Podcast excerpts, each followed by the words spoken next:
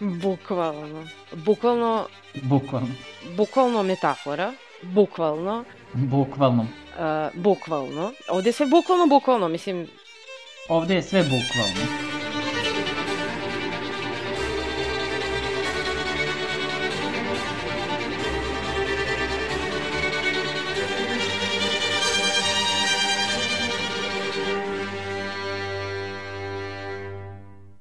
Evo, danas radimo film Kralj iz 2019. godine, The King, koji je režirao David Michod, ili Mišod, ili Mišo.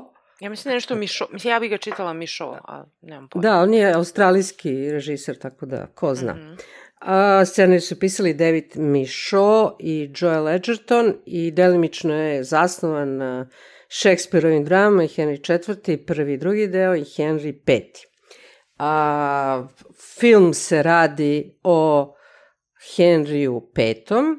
E, u početku je on samo prestolonaslednik, odnosno princ od Velsa, koji onda raznim sticajem okolnosti postaje ipak kralj, mada nevoljno, i zatim e, organizuje invaziju na Francusku, to se sve dešava tokom stogodišnjeg rata između Engleske i Francuske.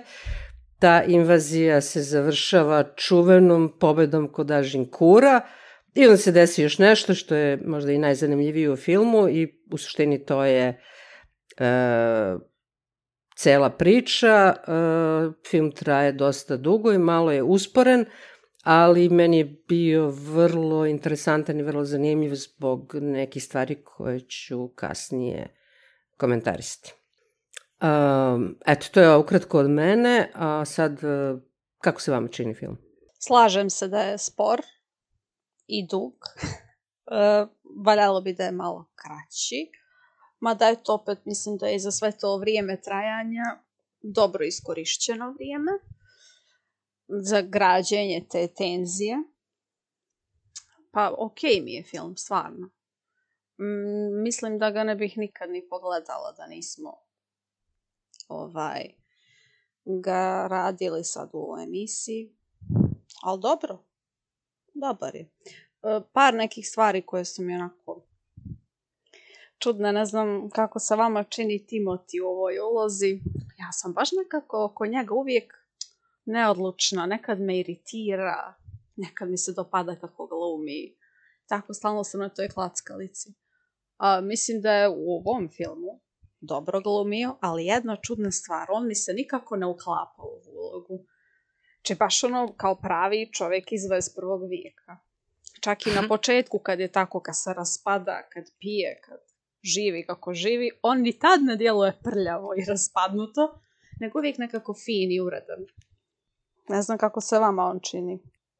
Pa ne znam, meni je on, mm, što kažeš, nekad te nervira, nekad je cool. Uh, do sada, gde god sam ga gledala, to kad me nervirao, uh, to je i njegov taj lik u tom filmu zahtevao. Ove, nije me on nervirao samo zbog toga što je Timothy Chalamet. Ove, a tamo gde mi je bio super je isto film od njega to zahtevao da bude super. Tako da meni on, ja, ja njega u suštini gotivim. A, nije mi nešto smetalo, baš mi je onako delovao kao neki klinja, a opet ne klinja, mislim, on, on takav i jeste, ono, znaš, kad treba da bude klinast, on je klinast, ove, kad treba da bude kao, ono, mudar ili odrastao, onda jeste, tako da, mislim, to, te karakteristike ima i u Dini, tako da, Mhm. ok mi je on, šta ja znam. A što se tiče samog filma, ja nisam gledala ovaj film. E, naišla sam na, nje, na taj film ranije nešto po nazivu i to opisu. Ovaj, nikad me nije nešto privlačio da ga gledam i ne bi ga ni sad gledala da Mirjana nije predložila. I mogla bi da živim da nisam odgledala ovaj film.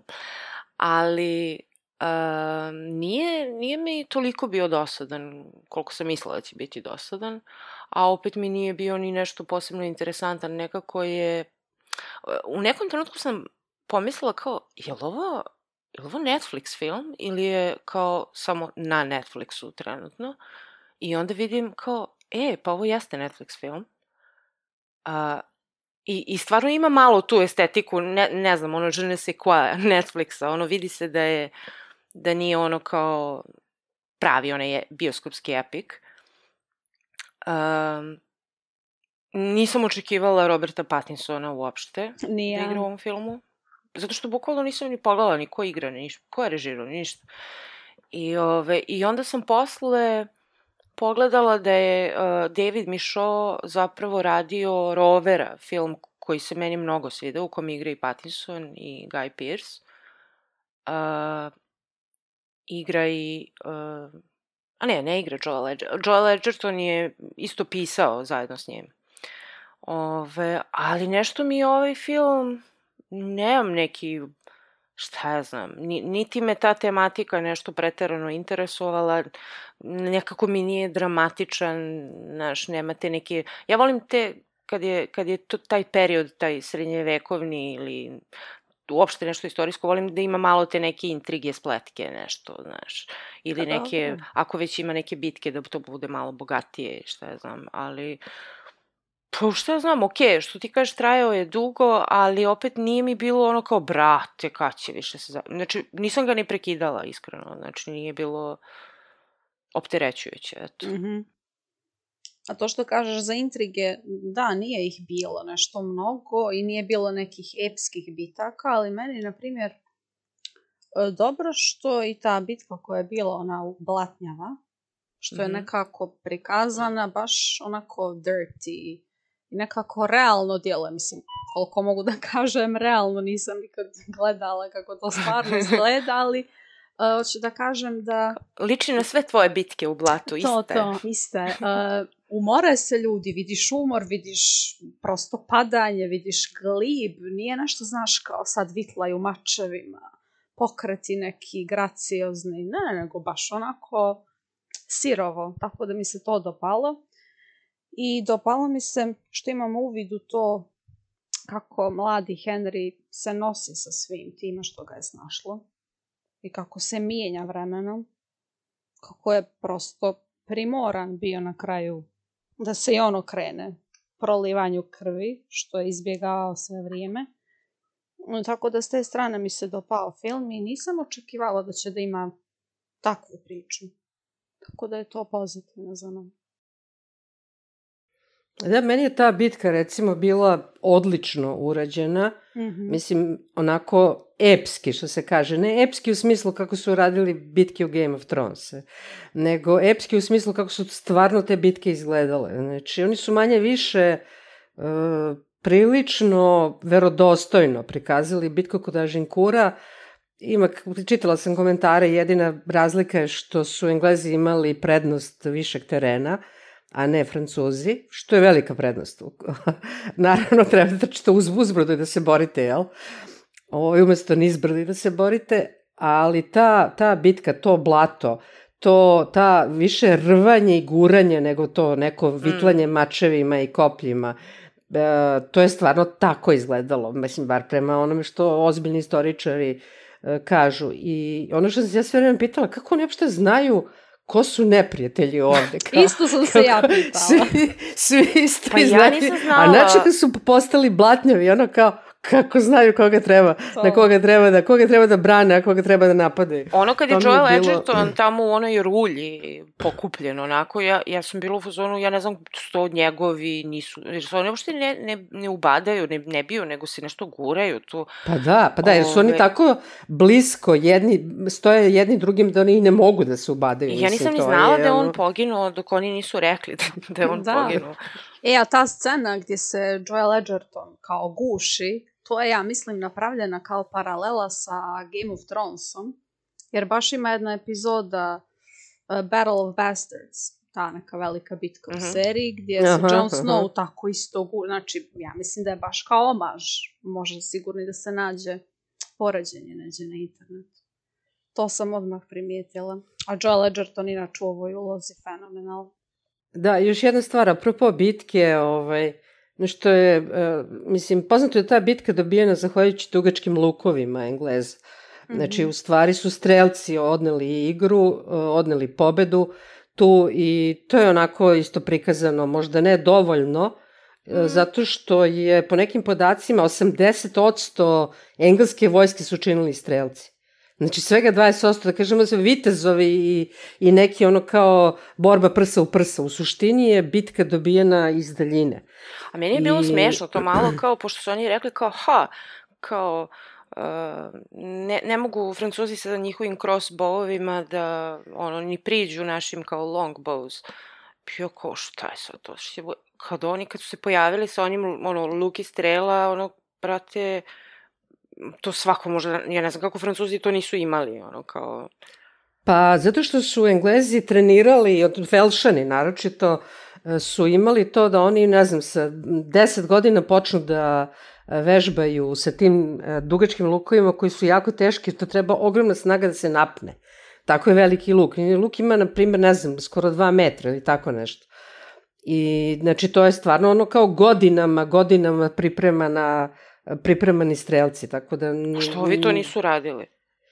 Pa, ne znam, očigledno su uh, se zasnivali svoju, ono što se kaže, taktiku na, na tim uh, vitezovima koji su bili vrlo, vrlo oklopljeni.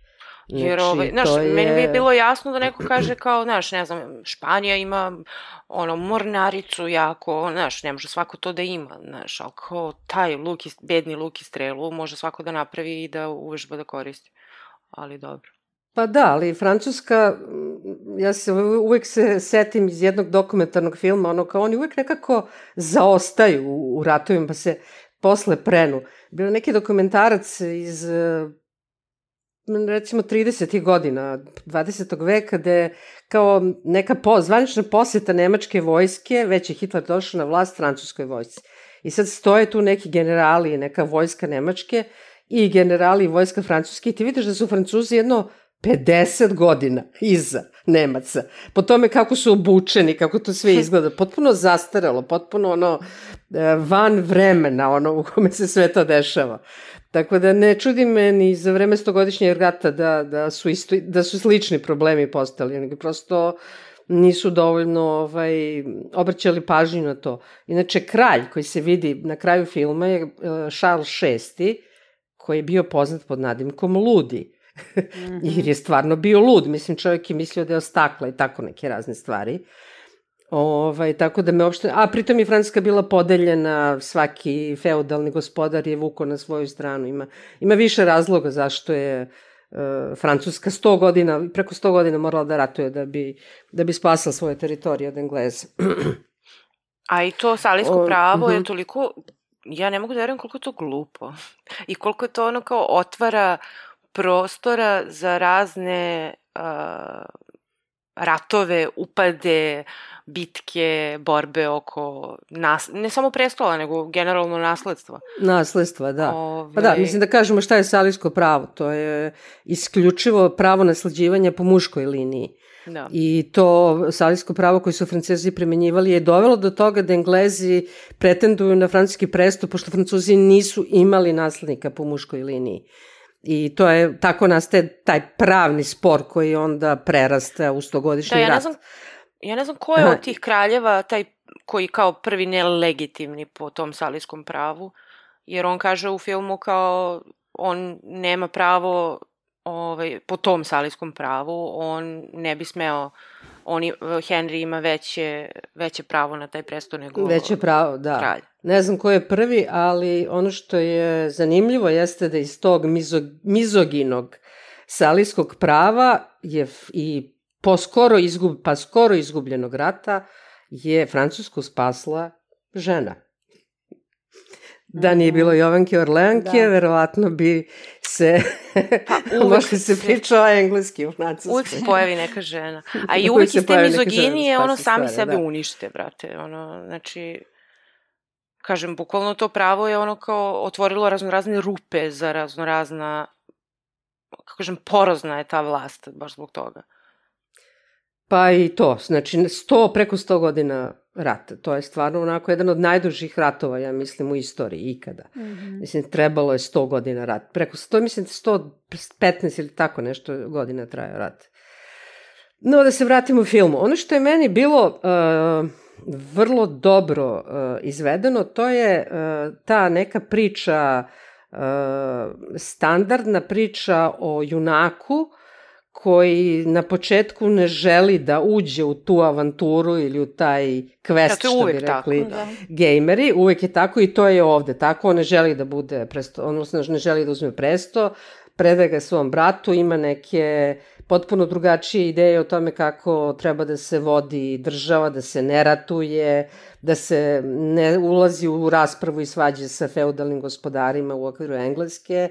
Međutim, to sve propada kad njegov brat gine i on, eto, silom prilika dobija presto. To je taj prvi čin mhm. nekog puta junaka. Onda I to je sad, nešto ću sad uh, navesti, tu kada njegu krunišu, uh, nju, o njemu izvikuju kralj, živeo kralj, živeo kralj, živeo kralj.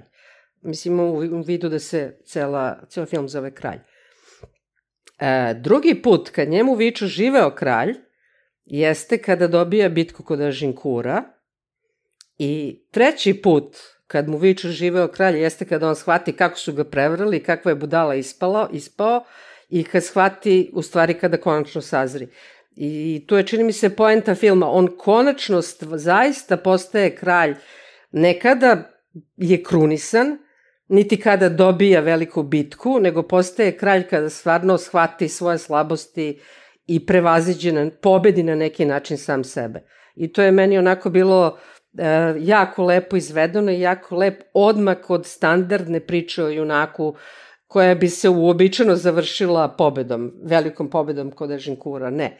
Njegova pobeda jeste Ažinkur, ali njegova još veća pobeda je pobeda nad samim sobom, odnosno shvatanje e, kako je grešio, zašto je grešio i neka u stvari početak zrelosti.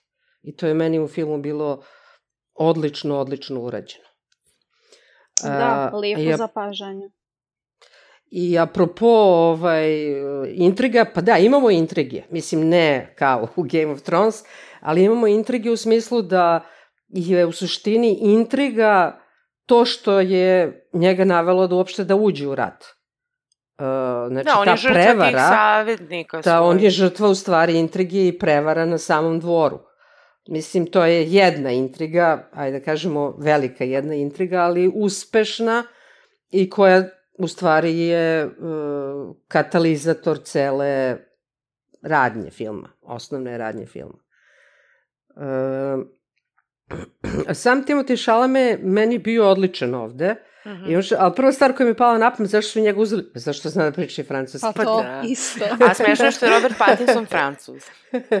ovaj, jedino onako što je meni malo jača zamerka u celom filmu, to je kako je prikazan Dauphin, jeste francuski prestolonaslednik, je prikazan kao ono e, kreten total, zli, e, zli kreten. Meni se to svidelo. Zli, zli, uobraže, zli uobraženi kreten. Mislim, ali malo je karikaturalan. Da, jeste, ali meni da. nekako kao, kao da je trebalo još više.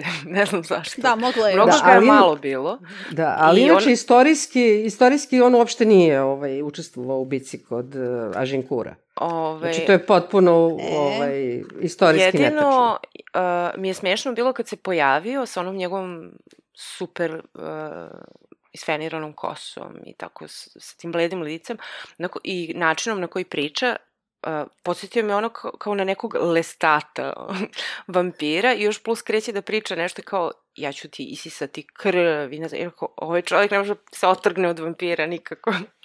Da. Ali ovaj, Da, tela sam kažem, kad već pričamo o ovom uh, režiseru, uh, u tom roveru igra isto Robert Pattinson.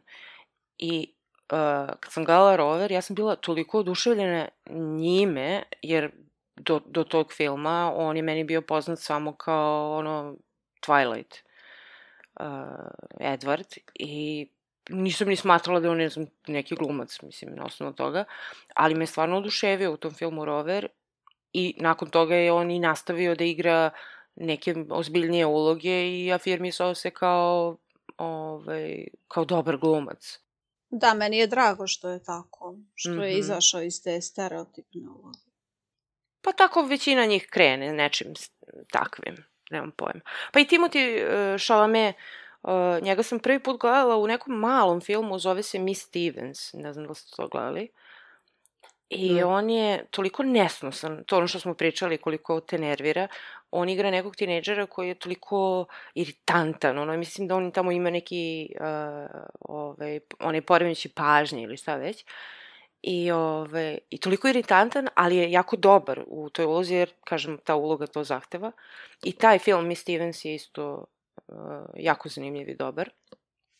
I posle toga, ono, gde god se Timothy pojavio, nekako mi je bio zanimljiv, zanimljiv mi je kao glumac, ne znam, sviđa mi se. Ah, ja još uvijek idem ka tome da mi se dopadne. Tu sam neđe. Ma da, dobro, on, on imaš, s jedne strane imaš pravo, on ima tu facu 21. veka. On, Da. on uh, prosto deluje kao neko ko... On, on je kao... vrlo uh, savremeno. Us, Kao mislim, muška verzija, ono Britney Spears, I'm not a girl, not yet a woman. Ali ono baš ne može da bude ljigav, ne može da bude prljav, koliko god znači. Trebalo je da bude takav u početku, nema šanse. Ne tako nekako sav čisti, fin. A nije, bio je malo isprljeno, ti nemoj tako. E, džabe. Imao je neke o, ožiljke i tako. Neke E, onaj ožiljak na njegovom licu, čitala sam je baš istorijski tačan. Mm. Da. E, taj Henry je valjda pogođen strijelom i ostao mu je taj ožiljak. I da, a kad smo kod toga, pošto je to kao zasnovano i na, ne samo na istoriji, nego i na Šekspiru, ja ništa nisam čitala od tih, ni, ni, ni jednog od tih kraljeva Šekspirovih. To mi nikad ja sam nije bilo počela. zanimljivo. Počela sam i znam da mi je malo i, mislim, ja volim Šekspira, ali imam neku knjigu, toliko su sitna slova. I zbog toga sam odustala i baš sad želim da, da nastavim. A znam, uh, videla sam da je ovo uh, radio i uh, znam da je Laurence Olivier radio, ali radio i Kenneth Branagh, naravno. Mhm. neku verziju Henrya V. Ali nisam ni to gledala. Kažem, to me nekako nikad nije nešto privlačilo. Ja sam više, ono, ja, ja sam opsednuta Elizabetom prvom, recimo. I, I film Elizabeth mi je super i, ovaj, i ti Tudori, Da, i svi meni su mi zanimljivi. Ove, ok, Viktorija, to, to stoji, ali od tih kao muških eh, vladara eh, engleske, to, to mi je nekako, nikad mi niko nije bio nešto posebno zanimljiv. I uvek mi je to nešto kao, više, eh, uvek me asocira na Šekspira, naravno, i uvek mi je to više za neko pozorište i to nešto Mhm. uzvišeno, ali mene to apsolutno ne zanima i ove, tako da zato nisam ni gledala ovaj film svojom voljom. Žrtvovala si se za podcaste. Pa da. Ja sam to davno čitala, davno, davno. i Mislim da sam i gledala taj Henry V. Keneta Brane, ali iskreno kažem nešto se ne sećam što znači da nije ostavio neki utisak na mene. Ali ovaj film je, baš mi se svidao. Mislim, meni je bilo interesantno, ja u načelu volim istoriju i volim, volim istorijske, epske filmove. Tako da obavezno pogledam iz koje god perioda daje. Ovaj, I ovaj mi je bio, eto, dobar zato što je i, i epski s jedne strane, a s druge strane je i intiman na neki način, jer u suštini je on borba uh, s Henrija V i sa samim sobom, a ne samo sa Francuzima. Da, ali ja sam htjela da kažem, u suštini razumem to, ali mene to ne zanima. Znači, mene apsolutno ne zanima interna borba i emotivni i razvoj nekog tamo kralja, kralja. engleski, znači, apsolutno me ne zanima koje on probleme ima. Meni je sve to interesantno, ali e, meni se postavlja jedno pitanje, a to je koliko ta umjetnička sloboda je dobra. Ne znam koliko vama to smeta i da li ste ikad razmišljala o tome. Ja sam čitala komentare, ima baš dosta negativnih u smislu toga koliko je ovo sve istorijski tačno. Znači ovaj A- Dauphin nije ni učestvovao, ne znam A mislim da to ljudi još. rade uvek. Uh, Da. da uh, nevezano da li je istorijski tačno, to se često uh, te polemike vode i kad je nešto bazirano na knjizi ili na nekom drugom mediju, ovaj, da li to igrica ili šta god, i onda imaš uvek te ljude koji su kao, a, ovo nije po knjizi, Da, znaš, to je da. bilo i za Harija Pottera, to je bilo i za sve živo. Ove, pa dobro i za Game of Thrones i šta ja znam. Ali, Pa Game of ovaj, Thrones nije istorija. Pa nije Pa istorija, ali bazirano na knjizi. Da, i onda imaš komentare. I onda imaš uvijek, a to nije bilo, evo Da, i za House da. of Dragon isto, kao, Da se prave tako u pametni, knjizi. više su pročitali knjigu. Da, da, to su ti pametni ljudi. Ali, O, I onda meni takve polemike uopšte ne igraju nikakvu ulogu kao kritika na neki film. pa ni meni, ali ono što mi malkice smeta što bih ja voljela da nešto naučim iz tog filma, jer ono, to mi je najlakši način ono, sjednem dva i po sata, nešto, razumiješ, a onda se pitam, hm, je li ovo tačno, je li ovo E, tačno, idem pročitam. fora? Onda uđem Tu- na internet, pa istražim sve, to super, to lijepo htjela da kažem. istražiti. Ali to samo To sam htjela kažem, to ti ne možeš da naučiš ništa iz filma i ja ne bih volila niko da tako posmatra Ha. film i umetnost, da nešto nauči iz toga kao jedan kroz jedan. Znači, Pa to naravno. može samo da te uvede, da ti dalje, uh, kako da kažem, da dalje to istražuješ stvarno istorijski, ako te E, zanima. ali Eto, pazi, istražimo ja i ti. Ali sigurno ima dosta ljudi koji samo pogledaju taj film, izađu iz bioskopa ili šta god. Misliš- laptop i čao. I prihvate zdravo za gotovo. Yes. Misliš to je kao vjeruju ljudi što- to. Misliš kao ljudi što će da gledaju Blond, eh, po Marilyn Monroe i da budu u fazonu, mm, znači tako Da. je bila Marilyn Monroe. Šta god, ali mislim da je, da je to malkice. Da, ali e, u načelu sve što dalje u vremenu je neki film ili knjiga, sve jedno, manje je problema jer e, u načelu sve što je dalje u vremenu manje se zna o tome šta, šta se stvarno dešavalo. A sve što je bliže u vremenu, a znači tako su neki od likova praktično još živi, onda to postaje e, sve problematičnije, e, jedna je umet, Da. naravno umetnička sloboda je mislim prvo to je fikcija, to nije nije ne pretenduje da bude istorijski film u Da. smislu e sad ćete za za udžbenike istorije ili za Nije studente dokumentarac. Kao što su Nije za The Crown ljudi bili u fazonu, to nije istorija, nije tako bilo, morate, Netflix mora da stavi pred eh, epizode Crowna da je to fikcija, a ono ko su bili u fazonu iz Netflixa kao, pa mi svi znamo da je to Pa fikcija, da, mislim, ovo je ne. dramska serija. Nisam ni ja u fazonu da mora sve da bude tačno. Baš... mm. Pa u nekim slučajevima i ne može da bude tačno, mislim, jer ko zna kako je nešto stvarno bilo. A, Istoriju mislim, pišu pobjednici. Ali, ali zanimljivo je to, da što ti kažeš što je dalje u vremenu, a, to je zanimljivo da se ponovo vraća nekim adaptacijama koje su već bile, jer a, to u vr- vreme u, kada je ponovo adaptirano, a, ta adaptacija odslikava i to vreme u kome je adaptirana.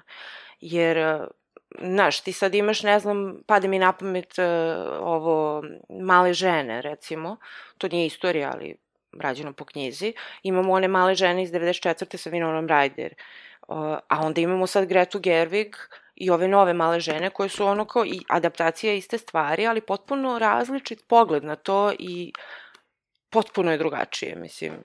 Ove, a šta sam htjela kažem, a to kako se neko zainteresuje za, za nešto istorijski, uh, je baš primjer taj film Elizabeth koji sam ja gledala i uh, u to vreme sam trebala da pišem maturski rad uh, iz istorije i jedna od tema je bilo Elizabetansko doba.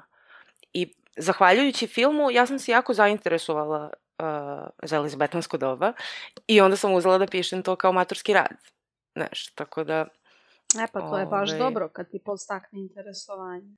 E, pa to sam htjela da kažem. Nije da sam ja sad odgledala taj film bila u fazonu, aha, to je sve tako egzaktno Da. istorijski, znaš. Mislim, to sam ja naučila zapravo čitajući Alana Forda, jer ne znam da li ste čitali Alana Forda, malo, malo ima neka epizodica gde onaj broj jedan ovaj, uh, priča neke svoje kao priče iz prošlosti, a njegove priče iz prošlosti su tipa iz vremena Troje, tako nekog antičkog vremena i kroz neke ratove šta ja znam, i stvarno neke istorijske stvari, ali on je kao uvek bio prisutan. Tu, pošto on ne zna se koliko ima godina, on je uvek bio prisutan. I onda je to onako, naravno da nije istorijski tačno, ali dosta stvari jeste, ono kao, I ja sam onda shvatila kad sam posle nešto čitala kao, hej, pa ovo nije kao Alan Ford, ovo je malo drugačije. kao, znaš, tako da... Pa da, ali znaš, s jedne strane imaš umetničku obradu istorijskih događaja koja sama po sebi mora biti slobodnija jer Naravno. ne Ti možeš čak i, da... čak i da, protiv, da- protivrečiš je. tome.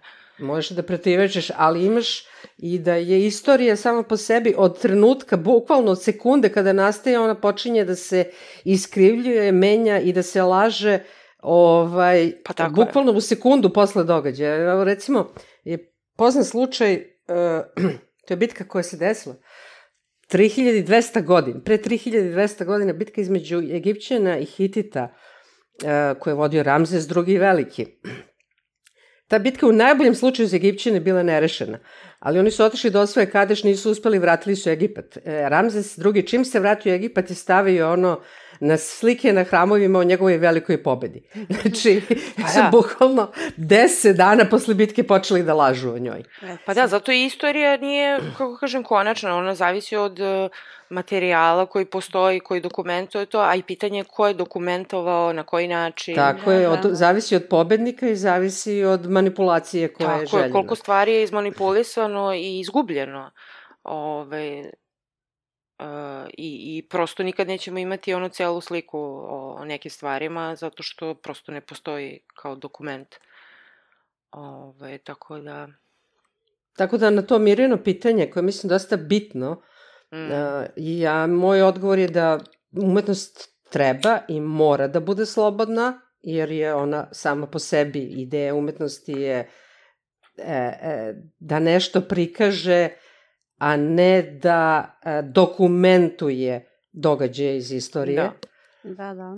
E sada, problem može da nastane kada to dokum, ta, taj prikaz bude totalno suprotan zato što hoće da služi nekakvoj drugoj agendi, jel? Pa onda Mhm. naljuti Pa onda neke ljude. postaje, pa Jeste. dobro, ali onda postaje nešto sasvim drugo, onda postaje na neki način propaganda. Da. Pa a ne, ne mora, umetnost, da, jeste, ali ne mora... Ima ni takvih čak ni- slučajeva, da. Ne mora čak ni to da bude. E, opet mi pada na pamet recimo uh, Marija Antoaneta od Sofije Kopole koju ja mnogo volim.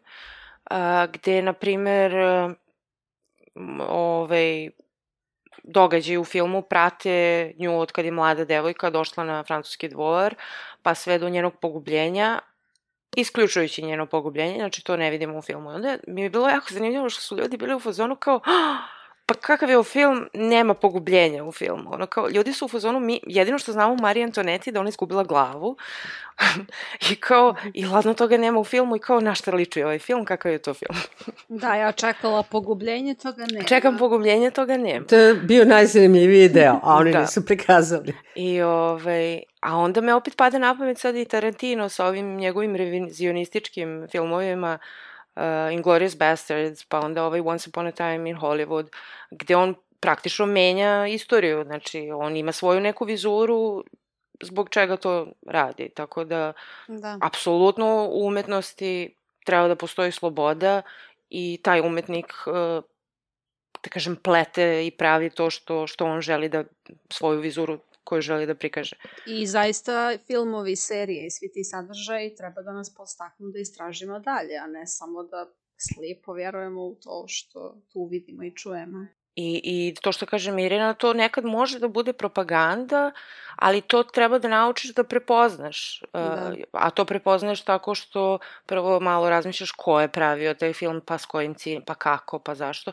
Ali to je još očiglednije, na primjer, u dokumentarcima, jer ljudi isto za dokumentarce misle da je to kao živa istina, znaš, kao, aha, evo ga dokumentarac o nečemu i sad to je sve ono kao što je prikazano tu, to je, to je tako kako je to bilo. To nije istina, to je tek propaganda jer dokumentarci se uh, jako redko prave na tom nekom neutralnom nivou. Uvek se zauzimaju za neku stranu ove, i, i da kažem guraju tu neku priču iz nekog ugla, a ljudi često pristupaju dokumentarcima kao aha, to je istina, znaš, kao Tako da to, to je prilično opasno kad se tako gleda. Da. Pa da, ali ono što je najopasnije za, a to nije krivica umetnosti, jel?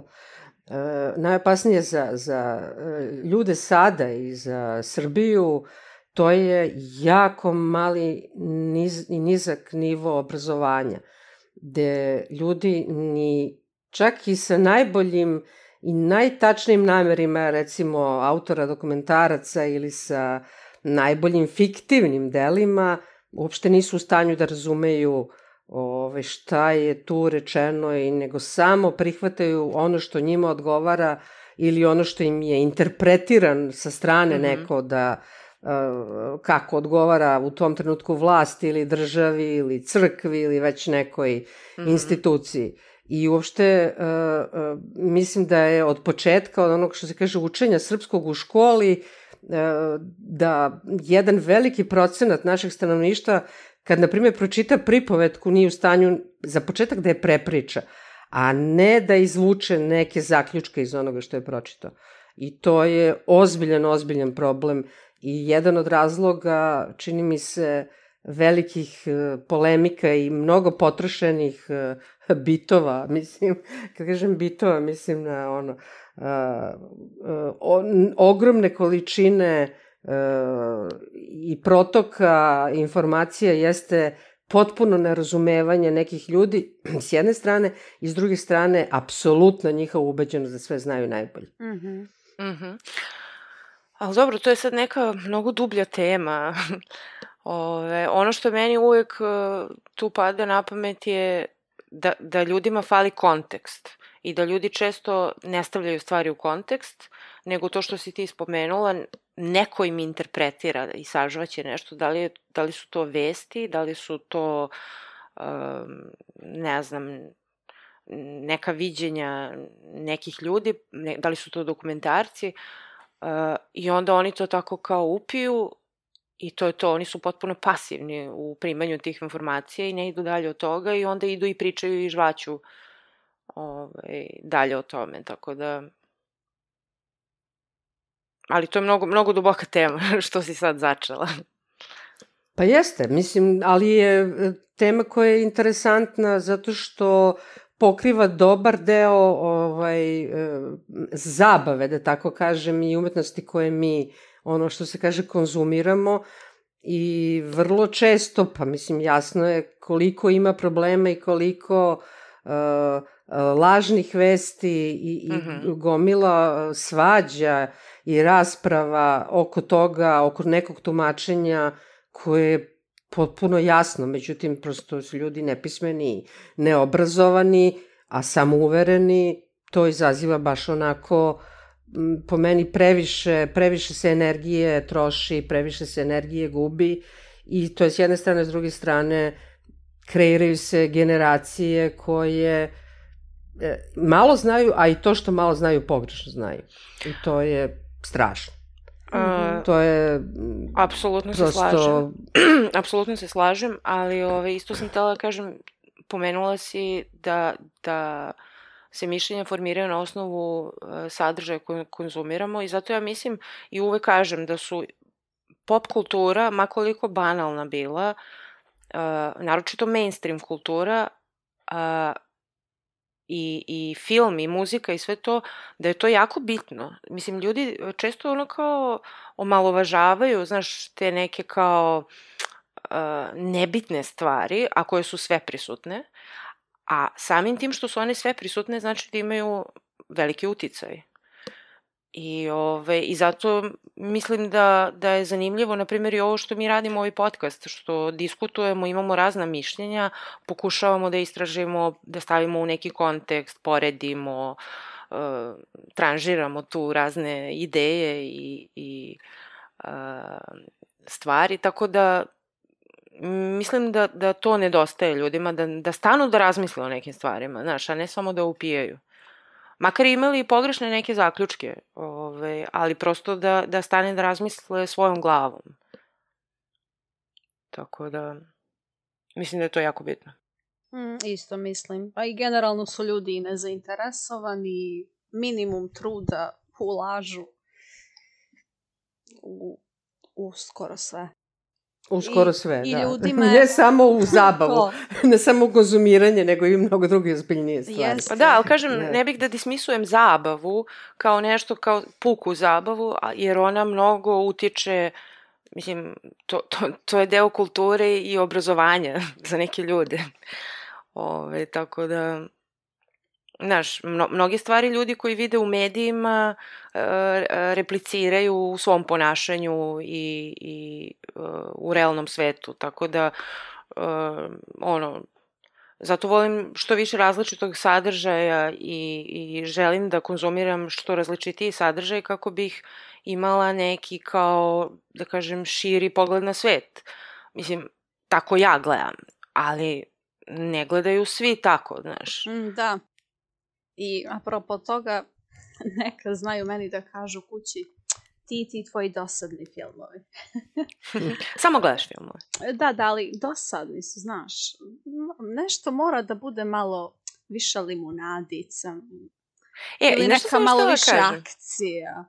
E, kako niko nikad nikome nije rekao, znaš ono, to kao samo gledaš filmove, kako niko nikad nikome nije rekao, ma samo čitaš knjige, znaš, kao knjige su uvek ono kao top dog. Znači, taj ko čita knjige uvek se smatra kao, u, to je neki obrazovani čovek, on čita mnoge knjige, on baš čita. Da, Znaš. Danielu Steele ili... Nije važno šta, ali kad kaže, uh, nikad niko nije rekao, ma samo čita knjige i uopšte Da. ne, znaš, nikad to, ali uvek je bilo rečeno to za filmove, za igrice, za serije, za, za Upravo si. internet. Da, da. Uh, znaš, A i a tu knjige ima su nek- isto uh, Ne zabava, imaju ono kao i da te nauče nečemu i da te zabave, ali tako isto i ovi drugi sadržaji imaju uh, Pa mogućnost da, ali te to je između zabave. ostalog prvo zato što su film i televizija novije umetnosti ili strip i oni još uvek nemaju taj e, tu tradiciju, iako postoje film više od 100 godina, e, nemaju tradiciju prave umetnosti, da tako kažem. Mm. Ne kod svih ljudi, ali kod nekih ljudi. A s druge strane uvek postoji taj stav koji je, e, pa znaš šta, da pročitaš knjigu treba ti nekoliko dana, jel? A da pogledaš film treba ti Mhm. dva sata. I uvek ima to, Dobro, i e, da pa dobro, to je pogledaš lakše, sliku, to je činjenica, Da pogledaš lakše. sliku treba ti dve sekunde, mislim. Pa do, pa okej, ali to je stara umetnost. Znam, znam. Znaš, i ona ima svoju tradiciju, ona ima svoju istoriju velikih dela, ima ovaj, e, gomile knjiga napisanih, enciklopedija, e, šta god hoćeš, a film ima to, ali tek uhvata korak, mislim. E, Prve knjige su pisane Epo, Gil, Epo Gilgameš, ne znam, ne, 2800 godina pre nove ere, mislim, to je ozbiljna tradicija. Mhm. Čak i ako gledamo kad je većina, kad je po, počela ovaj, štampa knjiga, pa su eto postale e, dostupnije mnogim ljudima, ne, to je bar koliko jedno 506, možda sad grešim, ne znam, ne znam tačno kad je ovaj Gutenberg izmislio, ali sigurno 500-600 godina. A ovaj, i kad je postala, da kažemo, to opšta pismenost, da je ipak većina ljudi postala pismeno to u naši, na našim prostorima nije bilo do posle drugog svetskog rata. Znači, to je tričavih 70-80 godina, što je jako, jako kratko. Ali ovaj, opet imaju, imaju tradiciju, imaju oreol ozbiljnosti i težine. Filmovi, mislim, još uvek nemaju to. Ne samo kod nas, nego bilo gde. Pa šta se sve danas snima, plašim se da neće nimati. Pa da, ali znaš ima, ne znam, možda sam već citirala ovaj, jednog uh, science fiction pisca Theodora Sturgeona, koga su pitali kao zašto vi uh, pišete te, taj trash, otprilike taj science fiction, kad je 90% science fictiona trash. On je rekao 90% svega je trash. što, što, Carski. što je apsolutno tačno, Tako je. mislim, ti samo pitanje šta hoćeš da povadiš iz nečega da to prikažeš kao trash. To je opet vrsta manipulacije. Pa da. Mhm. I uzaberi de, deset najglupljih filmova ove godine, pa makar od njih pet bili visoko na box office-u, ne znam, Marvel i, i šta ja znam, gomila takve limunade i tako to. I kažeš, pa evo pogledajte ovih deset film, pa to ništa ne valja. Znači film ništa ne valja kao umetnost, mislim. Ili izaberi deset knjiga um, tih limunadica, ljubavnih, uh, trash akcionih trilera, pravoslavni trileri, kako ja to zovem, mislim, šta, šta će od toga da ispadne? Pravoslavni Znači, thriller. pa pravoslav, pa to je ozbiljno, pazi, to je ozbiljna, ovaj, To zvuči kao neki ozbiljan podžanr.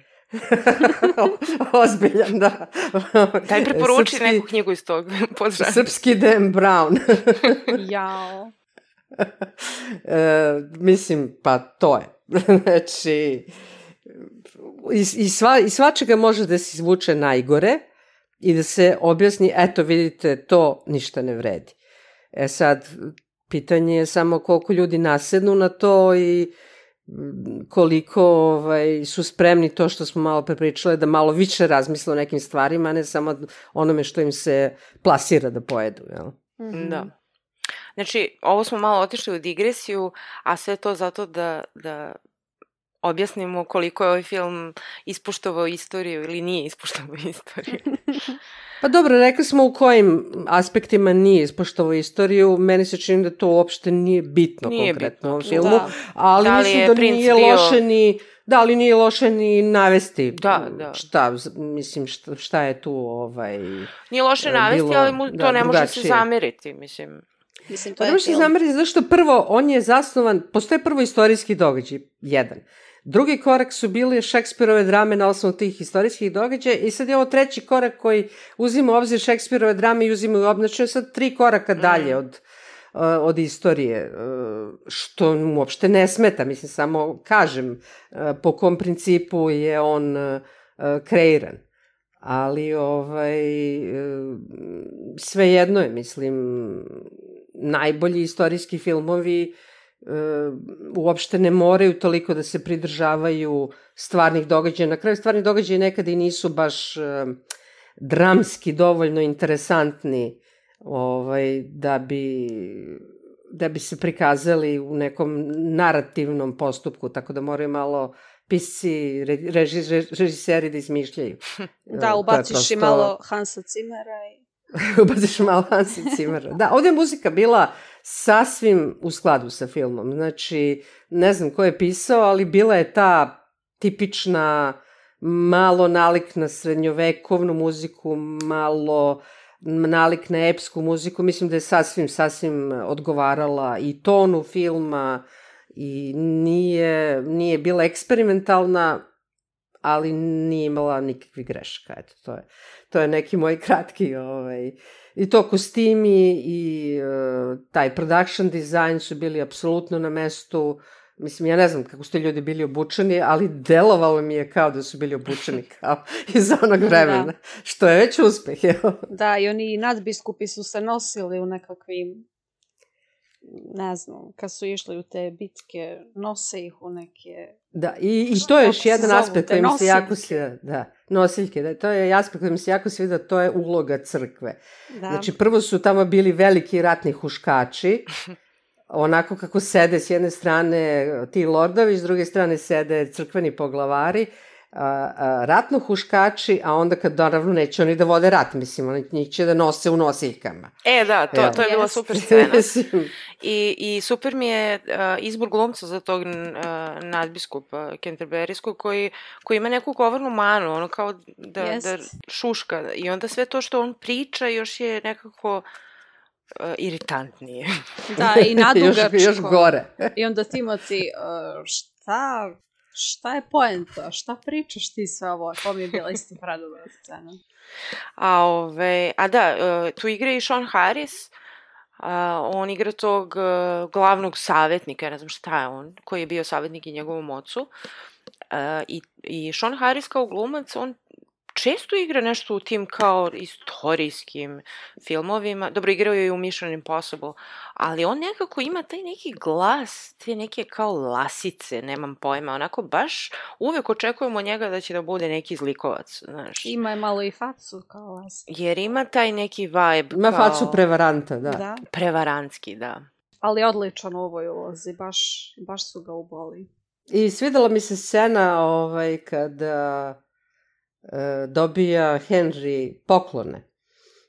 Uh, naravno, to je čuve, čuvena i kod Šekspira ima, a mislim da je to istorijski tačno da jeste Dauphin poslao Lopticu. teniske loptice na poklono Henryu Petom. Sad, ne znam pa šta je time teo da kaže, možda je to bilo uvreda, a možda je bila kao samo i kao šalili smo Sad se. Sad je lopta na tvojoj strani. Da, zezancija neka Ovaj, pa ovi, ovi huškači su to protomačili, pošto nije bilo poruke, oni su to protumačili kao, a, on hoće da te omalovaži, kao, ti si još uvek klinac, igraš se sa lopticama, znaš. Da, da. Ove, I to mi se svidelo što on uh, tu pokušava da, da racionalizuje normalno, ono, te njihove ta njihove huškanja, kao ajde, ajde, evo, provokacija, ajde, hoćeš da odreaguješ na provokaciju, ajde, ajde. A on u fazonu kao, brate, ne. On, znači, on se sve vreme prvog dela filma ponašao, ono kao kad igraš igricu, pa kao, uh, ti Mirjana to znaš, ono kao hoćeš uh, uh, easy, hard, hardest. Uh, I onda imaš onaj, onaj najlakši deo, ono kao just the story, znaš. e, on mi, on mi je delovalo u prvom filmu kao, ovi ga svi teraju, ajde, ajde, najjači setting, ajde, kreni, odgovori mu, a on je u fazonu, no, no, no, just the story, kao, znaš. Kao, ne, neću da upadnem u tu zamku. Ove, I šta sam još htela da kažem za... Da, nije mi bilo jasno ono, u toku bitke uh, ili pred bitku, kada uh, Pattinson, uh, ono troje dece u šumi što ubiju. Je, odakle ta deca tu? Šta, šta će deca na bojnom polju? Čije su to deca? Pa ja sam shvatila da su to engleska deca koji su oni slali po drva u šumu. Mislim, to je kao neka... Um, Što oni su vodili Te- decu su- sa sobom u bitke? Tamo su pa ne znam za bili- decu, ali uobičajeno su vodili veliki broj tih pomoćnih trupa, kako Da. se to zvalo. A djeca su To kao se- neki sužnji bili, bila tamo. Jeste vidjeli kako sređuju kapute, kako onome... Pa da, ali kao Joelu sluge u stvari, pa da. To. Tako Da, kao neke sluge za te neke poslove. Mislim, e, Greot. e, to nije samo naravno najveći broj, po- postoje pomoćni tr- trupe tipa kuvari, ovi što m, popravljaju oklope, kovači, šta ja znam, znači to je gomila nekih ljudi koja je išla za- iza svake vojske, pa verovatno i neka deca koja su radila neke poslove, a da ne pričamo o onome što nije prikazano, a što je svaka vojska imala i morala uvek da ima ovaj, kao pomoć, a to su prostitutke. Znači, to je poznato da je uvek išao ogroman Naravno. broj prostitutki Mhm. uz svaku vojsku. Da, ovde su žene baš ono, kao ima ona madam iz, ili šta je već, iz krčme. Uh, ima ova Lily Rose koja se pojavlja na kraju kao mlada. Ove, ono kao, baš je Bechdel test za ovaj film, ono nula. Ali, okej. Ali dobro, to je odgovarajuće za Da, vreme da. i ona na kraju ima kru, krucijalnu ulogu. Da, ona je mnogo Ona je- pametna on- na kraju. Da, ona, ona, pa ona mu samo kaže šta, se, šta je u stvari bilo, ništa više. E, ali to sam negde pročitala, uh, taj njihov razgovor na kraju uh, gde ona priča na francuskom, on joj odgovara na francuskom i na kraju kaže ja ću sada pričam engleski. A ona mu kaže ja ne znam engleski i onda naravno nastavi da priča na engleskom.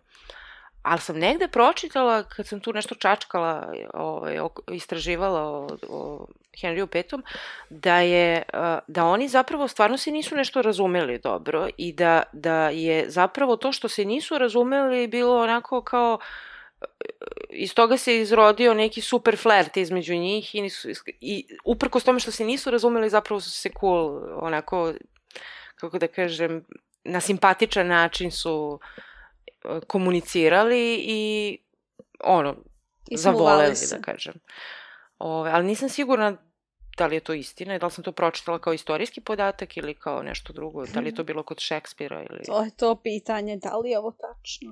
Da, da.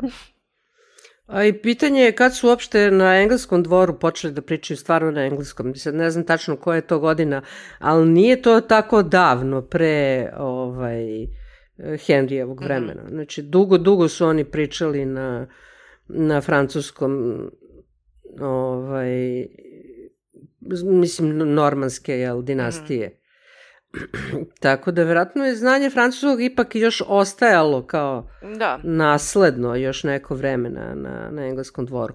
A zašto bi francuzi pričali engleski? E, to mi je već manje jasno. Mislim, zašto bi Dauphin znao engleski, taj deo mi mm, nije bio jasan, ali okej, mislim, A kaži nije mi, ni toliko uh, bitno. ko je nasledio Henrija V?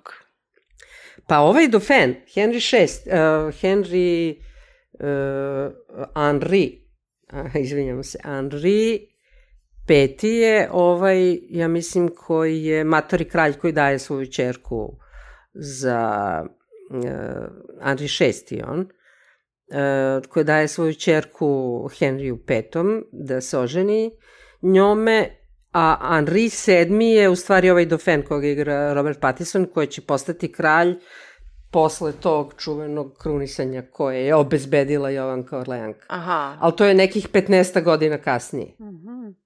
Eto, to nisam znala. Inače, da se vežemo na jedan naš raniji podcast, u ovom filmu se zabrala kako se zove, da glumi uh, ovaj Ridley Scott film. The The Last Duel.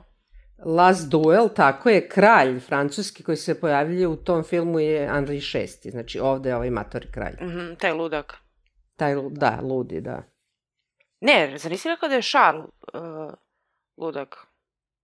Charles peti. Izvinjam se, Charles VI, da, da. Pogrešno vičem Henri Charles VI, da, a Dauphin je Charles VII, Mhm, mhm. budući. Znači, Charles je naslijedio ovog Henrya V. Ne, ne, Henry V, Henrya V, sad, sad sam ja Ovo sad kao sapunica. Ovo je sad kao Game of Thrones. Da. Čekaj, E, dijagram, ne, ovo je kao. House of Dragon, Game of Names. Ne, Henrya V, koji je umro par godina posle svega ovoga, znači on je vrlo brzo umro, inače se on u Engleskoj ne smatra za baš nekog uspešnog kralja, pošto je, jeste on pobedio u toj velikoj bici kod Ažinkura, ali je umro vrlo brzo posle toga i ostavio Englesku u dugovima.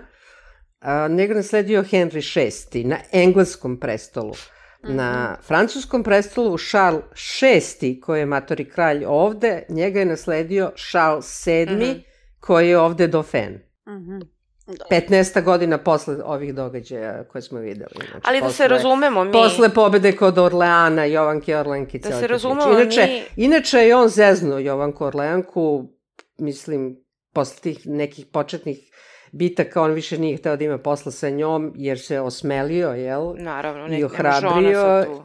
I šta će ona sad tu i ovaj, nije on kriv što su je ovaj, Englezi, tačnije rečeno Burgundunci, Burgunci uhvatili, ali njegovo ponašanje nije bilo ni malo fair prema njoj. Ove, ali da se razume mi, a, što se tiče engleskog prestola, tu su kraljice dominacije. Znači, Jest. molim lepo. Znači, kakav Henry V ne, ne, nema ni jedan kralj koji, osim ovog Henry VIII, koji je više izvikan zbog svojih uh, Brakova. brakova. Čovjek mora raskine s crkvom pre nego što raskine sa ženom. Da, da. Ove, tako da, molim lepo. Pa dobro, on jest, mislim, on je, on je baš, e, kako da kažem, poznat zbog tih silnih žena i naravno ne samo što se toliko puta ženio, nego što i većinu njih ovaj, Obezglavio. ubio, obezglavio. Kakav ali- čist razvod. Da, Lagan. ali, ali je činjenica da je zahvaljujući tome Engleska postala protestantska. Nije odmah, ali... Pa malo Da je Mary, bilo, da. uh, čerka njegova, malo klipove u točkove bacila sa katolicizmom, ali posle Elizabeta to vratila na pravi put. Pa ne znam, da li bi se drugi katolici složili s tobom da je to pravi put? Pa ne, mislim, u smislu da, da postoji reforma, znaš. da, da, da, mislim, okej. Ne znam ja šta je pravi put, to, to ni jedno ni drugo nije moja vera, tako da... Dobro, posle ovog haosa koji smo napravili sa ovaj, evropskim dvorovima, No, pravim šemu u glavi, šaro. Kao crtam ovo e, drvo nasledstva. da. A kako vam se sviđa upotreba tih nekih izraza u filmu kao malo šekspirovski? Meni je Pa bilo čudno meni kad... se to sviđa, da. I meni je meni. to baš lepo i to je onako... Jedan način možda se natera publika da malo nauči neke reči koje... Malo verovatno, kompleksnije. Jeste, koje ne koriste ovaj, često u životu i to je... A nije preteško, znači nije nešto što sad ne da, može da se nije isprati. ono kao neki suviše, nerazumljivi. Kao kori, Koriolan, ne znam je li neko od vas gledao Ne. taj film. Toliko naporan za ispratiti. To je, to je kao neka savremena ovaj, priča. To je nešto snimano kod nas, čak. Šekspirove drame, da. Znači, to je toliko naporno zbog, zbog jezika da sam ja odustala negdje u sredu. A, kad smo kod Šekspira i filmova, a, jedan od filmova koji mene oduševio, a onda me naterao da pročitam to delo Šekspira, a, je Titan Dronik. A, gledala sam onaj a, Julie Taymor film Titus. Ja nisam to gledala. E, to bi mogli da radimo nekad. Stigla Mirjana to? Nisam. O, to je to je onako moderna adaptacija i igra dosta poznati glumaca, Anthony Hopkins pre A, svega. hoću. Ove. Jessica Lang, uh, ovaj, kako se zove, bože, kako se zove taj čovjek, Alan Cumming, Ja, evo ga, Jonathan Rhys-Meyers. Jonathan Rhys Henry. Myers uh, i nekako ta adaptacija je potpuno luda jer je skroz ono moderna i meni se taj film jako svideo uh, i onda sam uzela da pročitam Šekspira i onda sam shvatila da taj film zaista prati apsolutno prati radnju Šekspirovu, samo što je Mhm. na modern način interpretirano. I super mi je to. I, i, Šekspirov, i Šekspirova drama i film mi je super. Mhm. Mene ovo baš sad interesuje. Pa eto, možemo stavimo na listu. Ide. I onda ćemo od podcasta koji ima najviše epizoda horora doći do, do podcasta ima najviše epizoda Šekspira, obrade Šekspira. Obrade da. Šekspira. Da moramo da začinimo to malo. Znaš, imamo te neke faze. Ono, malo faza red horora, red Šekspira. Moramo to da... Za... Red treša, red... uh, uh, ne znam, nekih zaboravljenih filmova iz 80-ih. Sviđa mi se, šareno je. E, Jeste, to sam ja htjela da kažem. Ima svega. Dobro, ili imamo još nešto da, da iskomentarišemo? Mm. Joel Edgertona. Pa on mi je okej, nisam ga videla u, u ovakvoj ulozi, onako malo kao raskalašnog nekog Da. mudrog tipa. Ove, pod, pod navodnicima mudrog tipa. Ove, dobar mi je skroz u ovoj ulozi. Amen. A taj Fal, Falstaff se on zove u filmu, to mi tako jedno, zvuči mi skroz ono šekspirovski, Pa jeste. uh, jel on je i, i, i Šekspira taj lik? Sigurno postoje kao Šekspira, ali ne znam da li je on stvarno postojao. Mislim da Nije. jeste. Evo, Ono što sam ja pročitala nije, nego je rađen Nije, po uzoru na nekog lika. aha, aha. Ali to Falstaff ime mi je totalno šekspirovski. A to da. Da, on je ipak fikcionalni karakter. On Jeste. nije, nije postojao stvarno kao Falstaff. Da, već je rađen po Sir Johnu Oldcastle iz Shakespeareovih drama. Mhm. A taj Oldcastle je postojao. Dobro, mislim, on je interesantan lik jer on je ono kao tipični zeza, zez, ono, zezator e, čovek iz naroda, mada je on ser, ali ipak predstavlja ga kao nekog čoveka iz naroda koji ide po kafanama, pije, zeza se, drug je Henryu, a onda ispada najinteligentniji Odjednom je ono i strateg najveći. Da, tipično. Pa nije strateg, ali on neko ko ima iskustvo i koji zna šta je rat, za razliku Za od svih ovih ovih, koji ono uh, kao, Carevića. da, koji ne, u suštini ne znaju i samo, a on, naravno, oni, ono što žele jeste zemlja, jel, jesu prihodi, jeste nešto drugo, a on apsolutno je jedini koji stvarno shvata situaciju i koji je najmanje samouveren u suštini od svih njih. Mislim, Realan. kad je samouveren, samouveren na jedan način kao čovek koji je nešto iskusio pa je na osnovu i promislio o tome pa je na osnovu Mhm. toga samouveren, što je prava samouverenost. A ne samouverenost na osnovu pozicije ili para ili Mhm. uh, idiotluka sobstvenog, pa kao ne znaš ni koliko si glup, pa si zato samouveren. Ali bilo je malo predvidivo šta će da se desi s njim. To su te tipične scene. Idem ja u Pa uvek taj, taj lik mora da strada, ili Da, taj neki čovjek iz žrtvuje naroda, ili se. taj neki mentor. Oni uvek moraju da stradaju. Pa dobro, nisu mogli da ubiju Henrija petog, pošto znamo, isto je bilo malo baš velika onako izmena odnosu na, Mora neko. na istoriju, a ovaj kao, pošto je stvarno fiktivan, e, pa eto, To. njega možemo. E. Ali ti, to je bilo meni lepo u filmu prikazano koliko je Henry u stvari sam. On, on kad, e, on, naravno, on svojom krivicom prestane da, da se druži i da ima kontakte sa Falstaffom kojem je, eto, jedan ozbiljan i veliki prijatelj pre nego što postane kralj. I onda on postaje sam na dvoru i tako usamljen i izolovan od prijatelja je mnogo lakše ga izmanipulisati kao što su ga izmanipulisali. Jel? Da, i onda ga se sjetio kad je shvatio da je sam.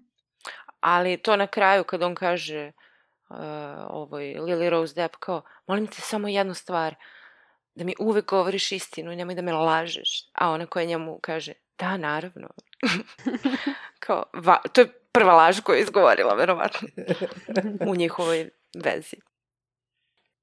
Uh, iz toga zaključujem da on ništa nije naučio. E, da. Pa A kraljevi dobro, nemaju na- prijatelje. naučio, je, naučio je da je pogrešio i to je velika stvar. A onda je naučio ono što su mu rekli, ne mogu da sedim komu je rekao u filmu, da kraljevi imaju, pa zapravo mu je on rekao, ovaj Edgerton, da kraljevi nemaju prijatelje, samo Da, sledbenike i neprijatelje. tako je. Mada mu i sestra kaže na početku Jest. skoro, odnosno odmah na, posle krunisanja mu kaže, nemoj nikome da veruješ. Jo, Da, bože, i nju sam moment. zaboravila. To je ova Thomasin McKenzie, što je igrala u Last Night of Soho. Last Night of, uh, in Soho. Ovaj, koliko ona mene iritira njen glas, znači, strašno mi je iritantna, ali ovdje je srećom imala malo. Tri rečenice. Da. Pa ja nemam neko mišljenje o njoj, nisam je nešto puno gledala. Dobro, to je bilo to. Ja mislim da smo manje više prošli kroz film i više od filma. Pa ako više niko nema ništa da doda, možemo da zaključujemo ovu epizodu. Ja nemam. Može. Dobro, onda to je bio The King iz 2019. A mi se čujemo sledeće nedelje u nekoj drugoj epizodi podcasta Bukvalno. Ćao! Ćao. Ćao!